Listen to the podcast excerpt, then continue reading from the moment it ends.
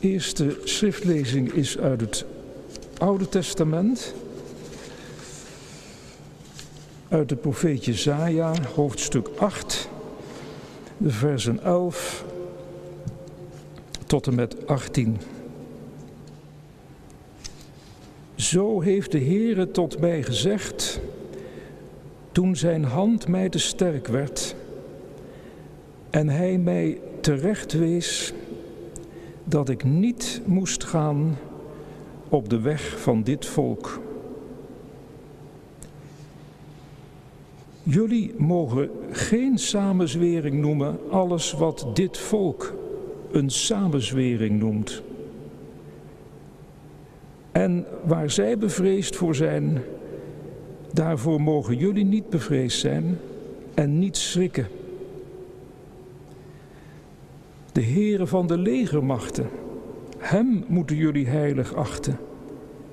Hij is jullie vrees, Hij is jullie verschrikking. En Hij zal tot een heiligdom zijn. En tot een steen des aanstoots. En tot een rots waarover men struikelt voor de twee huizen van Israël. Tot een strik en een val voor de inwoners van Jeruzalem. Velen onder hen zullen struikelen, vallen, gebroken worden, verstrikt raken en gevangen worden.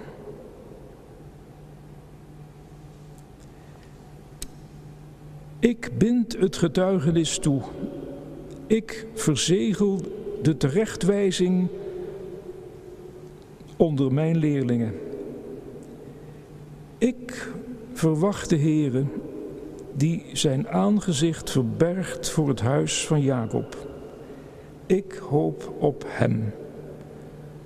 Zie, ik en de kinderen die de Heere mij gegeven heeft, dienen mij tot tekenen en wonderen in Israël. Zij zijn afkomstig van de Heere van de legermachten die woont op de berg Sion. De tweede lezing is uit het Evangelie van Johannes, hoofdstuk 1, de versen 19 tot en met 23. Dit is het getuigenis van Johannes. De Joden hadden vanuit Jeruzalem priesters en levieten naar hem toegestuurd om hem te vragen: Wie bent u? Hij gaf zonder aarzelen antwoord en verklaarde ronduit: Ik ben niet de Messias. Toen vroegen ze hem: Wie bent u dan? Bent u Elia? Hij zei: Die ben ik ook niet. Bent u de profeet? Nee, antwoordde hij.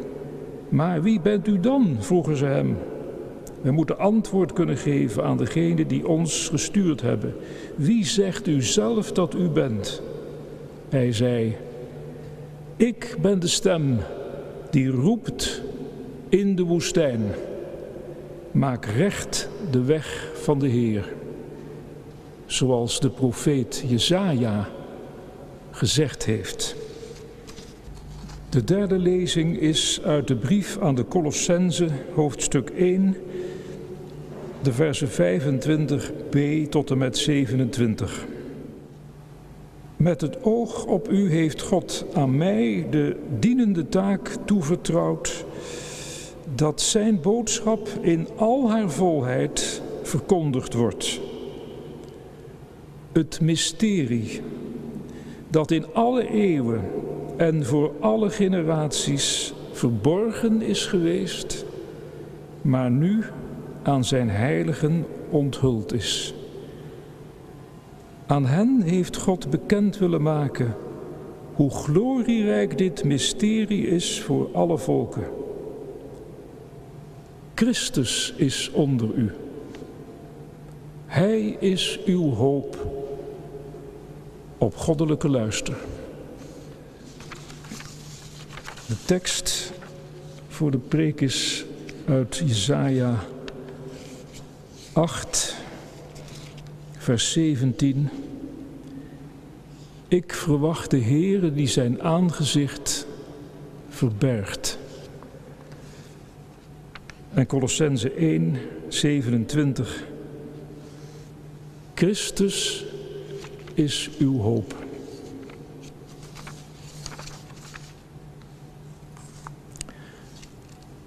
Gemeente van Christus. Een van de vele dingen die we leren in deze coronatijd is hoe moeilijk het is om te wachten. Niet eventjes te wachten, maar te blijven wachten. Perspectief. Een stip aan de horizon, licht aan het einde van de tunnel. Dat zijn de woorden die ik de hele dag om me heen hoor. Geef ons perspectief. Dat smeken we, nee, dat eisen we van de regering en van de medische wetenschap. En als de politici en de medici er niet in slagen om ons die stip aan de horizon te laten zien, dan worden we kwaad. We willen wel wachten als het einde van de tunnel maar in zicht is. Maar als er nu geen stip aan de horizon is, dan zijn we er al snel helemaal klaar mee met dat wachten. En dan gedragen we ons nog liever alsof er helemaal niets aan de hand is. Wie kan er blijven wachten?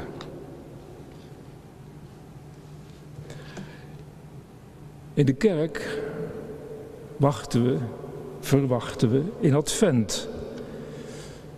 We tellen de zondagen van Advent af tot aan kerst. Dat moment, die volle kerk, die luide zang, allen tezamen om de vorst der engelen te zien.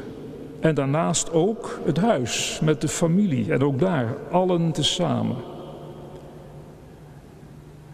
Maar zo'n kerstdag komt er niet dit jaar. Geen volle kerk, geen luid gezang en ook thuis geen samen zijn met z'n allen. Het wordt een kerstdag zoals wij die nog nooit eerder hebben beleefd. Kunnen we zo verwachten?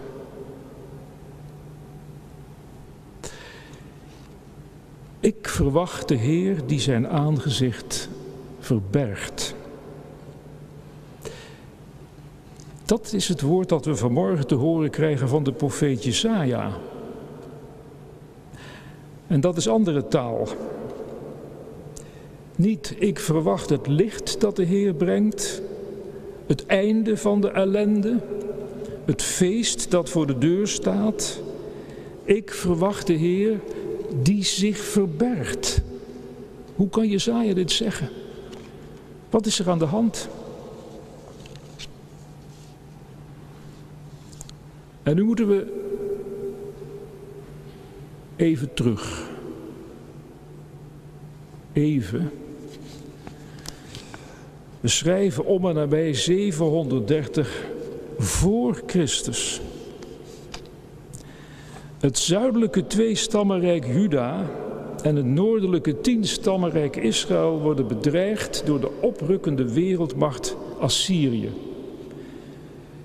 Israël wil zich wel, dat noordelijke tienstammenrijk wil zich wel tegen Assyrië verzetten, maar het is eigenlijk innerlijk verscheurd. Moordaanslagen en staatsgrepen wisselen elkaar af in eiltempo. Je weet geen moment waar je aan toe bent en waar het naartoe gaat. En daarom zoekt Israël steun bij omringende volken, Aram en Ephraim, om met hen een verbond te sluiten in gezamenlijk verzet tegen Assyrië. En nu willen die drie dat ook Juda met koning Agas zich bij hen aansluit om mee in verzet te komen tegen Assyrië. Maar dat doet koning Agas niet, want hij is een politicus die gokt op de macht en het recht van de sterkste En dat is Tiglat-Pileser, de koning van Assyrië. De profeet Jezaja zegt tegen de koning dat hij niet op die macht, die wereldse macht, moet vertrouwen. Maar Agas doet het toch. En hij weigert mee te gaan met Israël, Aram en Ephraim. En dan keren die drie in het noorden zich tegen hem en rukken op naar Jeruzalem en Juda. En dan is hij eigenlijk aan hen overgeleverd. De angst maakt zich meester van het volk en ook de koning siddert in paniek. En dan gaat ook het gerucht rondzingen dat er binnen Juda zelf mensen zijn die heulen met de vijand. Deze onbestemde dreiging van een samenzwering jaagt de angst alleen maar verder aan. Het is een maalstroom waarin iedereen wordt meegesleurd. Het gevaar van buitenaf, de dreiging van binnenuit, je eigen machteloosheid, je angst, het gevoel slachtoffer te zijn, dat ze je willen pakken en de woede tegen die ze, wie dat dan ook mogen zijn.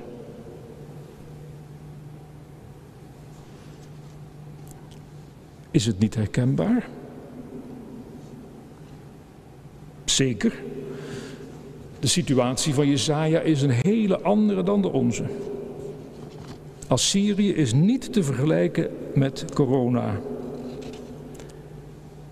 Maar hoe je reageert op de dreiging, is dat zo totaal anders?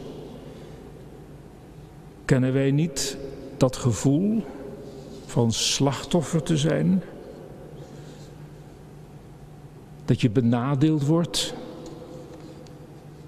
Dat er iets van je wordt afgepakt wat jou heilig is? En de frustratie die daarop volgt? En de woede daarover, ongeremd vaak. Je vindt het eigenlijk bij iedereen. De een zegt, waarom mogen gelovigen wel naar de kerk en mogen onze kinderen niet naar school? En een ander zegt, waarom mag iedereen wel naar Albert Heijn, maar mogen wij niet naar de kerk? Zulke vragen zijn niet raar als je direct in je bestaan geraakt wordt. En beide groepen hebben ook best een punt en voor elk standpunt is ook wel iets te zeggen. En toch, wat is het gevaarlijk om jezelf alleen als de benadeelde te zien en alle anderen alleen als de bevoordeelde. Wat is het levensgevaarlijk als je daaraan toegeeft en je laat meeslepen door je onmacht en je angst.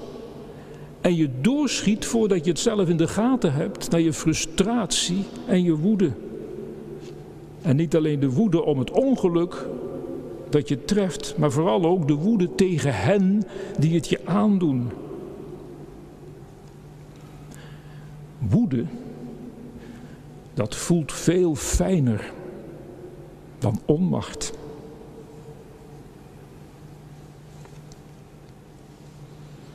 Maar in je ongeremde woede ga je de andere mensen zien als vijanden die tegen jou samenzweren. En dan zie je de dingen niet meer zoals ze zijn. Wanneer Jezaja omringd is door de angst onder het volk voor die samenzwerende vijanden van buiten. En dat onbekende complot van binnen. Dan is dit het woord dat hij van de Heer te horen krijgt. Ga niet op de weg van dit volk. En dan vertelt Jezaja er nog een opvallend detail bij. Toen ik dit hoorde, zei hij, was de hand van de Heer mij te sterk. Hij heeft de hand van de Heer aan de lijve gevoeld. Het was niet alleen de stem die hij hoorde met zijn oren, maar zijn hele lichaam kwam in beroering. Gods hand moest er blijkbaar aan te pas komen om dit bij hem binnen te laten komen. De weg van het volk is niet de weg van de Heer. De stem van het volk is niet de stem van God. En waarom moest God zo krachtdadig zijn in dat woord? Was Jezaja misschien zelf ook wel geneigd om op die weg van het volk mee te gaan? Een profeet staat niet buiten en boven de angst en de machteloosheid en de radeloosheid. Ook een profeet kan daar niet zichzelf bovenuit werken. God moet hem ervan bevrijden. Geldt het ook niet voor ons? Wij staan als gelovigen echt niet buiten en boven de onmacht en de angst om ons heen. Wij zijn niet immuun tegen frustratie en redeloze woede. Het denken in termen van vijanden en complotten. God moet ons daarvan bevrijden. Ga niet op de weg van dit volk, zegt de Heer. Jullie moeten geen samenzwering noemen wat dit volk een samenzwering noemt. Jullie. Meervoud. Dat is dus niet alleen Jezaja. Wie zijn dat dan? Niet het volk. Want jullie moeten juist niet doen wat het volk doet. Jullie, dat zijn de leerlingen van Jezaja. Dat zijn die leden van het volk die luisteren naar de profeet. En die zich dus onderscheidt van het volk. Die dus niet meegaat in het vreemde van de situatie als een samenzwering, als een complot die zichzelf niet gaan zien als slachtoffers. Jullie moeten niet vrezen wat dit volk vreest. Ga niet mee in hun angst. Jullie moeten ontzag hebben voor de Heer, de Heilige van Israël. De Heer van de, legers, van de legermachten. Die boven alle volken en alle machten leeft en regeert en het al in handen houdt. Dat is de boodschap die de leerlingen van de profeet te horen krijgen. Het volk luistert niet. En daarom zal het verschrikkelijke gebeuren. Dat Israël wordt platgelopen dat Juda wordt platgebrand, wordt weggevoerd in ballingschap. En de tempel, waar de Heer der Heerscharen troont, waar zijn aangezicht ligt over zijn volk, wordt vernietigd. God verbergt zich. Wat kun je dan nog doen? Jezaja doet dit. Hij schrijft de woorden van de Heer op een rol. En die rol die wikkelt hij in linnen. En die in linnen gewikkelde rol stopt hij in een kruik. En op die kruik legt hij een zegel. Hij verbergt de woorden van de Heer en geeft ze als een verzegeld geheim mee aan zijn leerlingen in een niet te berekenen en niet af te tellen toekomst. De leerlingen moeten de woorden van de profeet als een geheim bewaren. Al vinden ze geen gehoor bij het volk. Ze gaan niet verloren, want het zijn woorden van God. En die blijven van kracht. En die zullen eens in vervulling gaan. Al heeft Jezaja geen idee wanneer dat ooit zal zijn. Ik wacht, ik hoop op de Heer die zich verbergt. Geen stip aan de horizon, geen licht aan het einde van de tunnel. Heel zijn perspectief opgeborgen in die woorden in de kruik. Want ook als de verborgene blijft hij de Heere van de legermachten, die zijn volk niet laat vallen, ook niet in de ballingschap, ook niet als hij zich verbergt. En dan 700 jaar later. Ja, daar praten we in de kerk zo over 700 jaar alsof het niks is. Het is eigenlijk onvoorstelbaar. We kunnen ons al nauwelijks voorstellen hoe de wereld er 100 jaar geleden uitzag. Denk je eens even in 700 jaar geleden. Nou, de liederen die, sommige liederen die toen geschreven werden, zingen wij nog steeds. Ze zijn bewaard. Maar dan nog veel verder terug. 700 jaar voor Christus gebeurde dit. En dan 700 jaar later zijn we weer bij Jeruzalem. Op afstand van de stad, op afstand van het volk. In de woestijn, bij de Jordaan, waar die man staat, die rare man. Wie ben je? Ik ben niet de Messias. Daar klinkt na 700 jaar de stem van Jezaja. Maak recht de weg van de Heer voor de Messias die na mij komt. En dan enkele tientallen jaren daarna, een hele korte tijd, als de Messias gekomen is, schrijft de apostel op zijn brief aan die christenen, die paar christenen in Kolosse.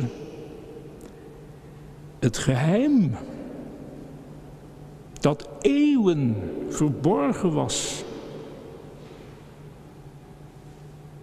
dat is nu onthuld. De heilige van Israël is verschenen niet als de Heere van de legermachten zoals Jezaja hem zag in de tempel. Maar als een kind in de kribbe. Niet als de machtige in de hoge, maar in de diepte. In onze diepte. Een God die zo meeleeft met zijn mensen. In hun zwakheid. In hun zonde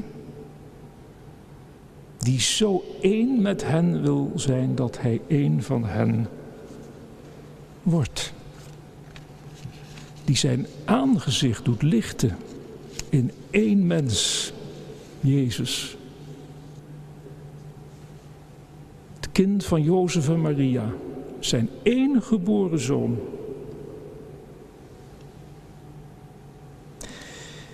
Dat is het geheim dat is nu onthuld. En daarom zegt de apostel, Hij is uw hoop. Want nu Hij verschenen is, gaan we Hem verwachten. En als je Hem gezien hebt in het kind van Bethlehem, de Zoon van God, de redder van de wereld. Dan kun je niet anders dan op Hem hopen. Ook dat kent zijn eigen verborgenheid. Want Christus is niet alleen verschenen op aarde, hij is ook heen gegaan naar zijn Vader in de hemel. En ook zijn lieflijk gelaat ligt niet alle dagen van ons leven over ons. Ook het lieflijk gelaat van onze Heer Jezus Christus kan voor ons verduisterd worden in onze lotgevallen of omdat we zelf ons van Hem afwenden.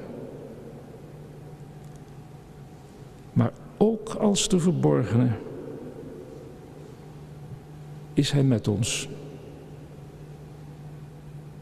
Ook al ziet de wereld daar niks van. Dit is het geheim van de gemeente in de wereld. En daarom is er altijd hoop. Hopen op Christus is niet aftellen en niet berekenen wanneer je ellende voorbij is.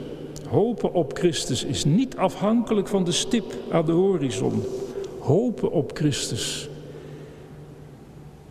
dat is jezelf toevertrouwen. Dat is jezelf overgeven aan Hem die zich aan jou gegeven heeft en die jou nooit zal laten vallen.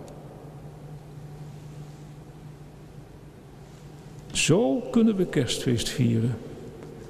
Ook in het jaar van corona. Ziet op Christus. Hij is onze hoop. Amen.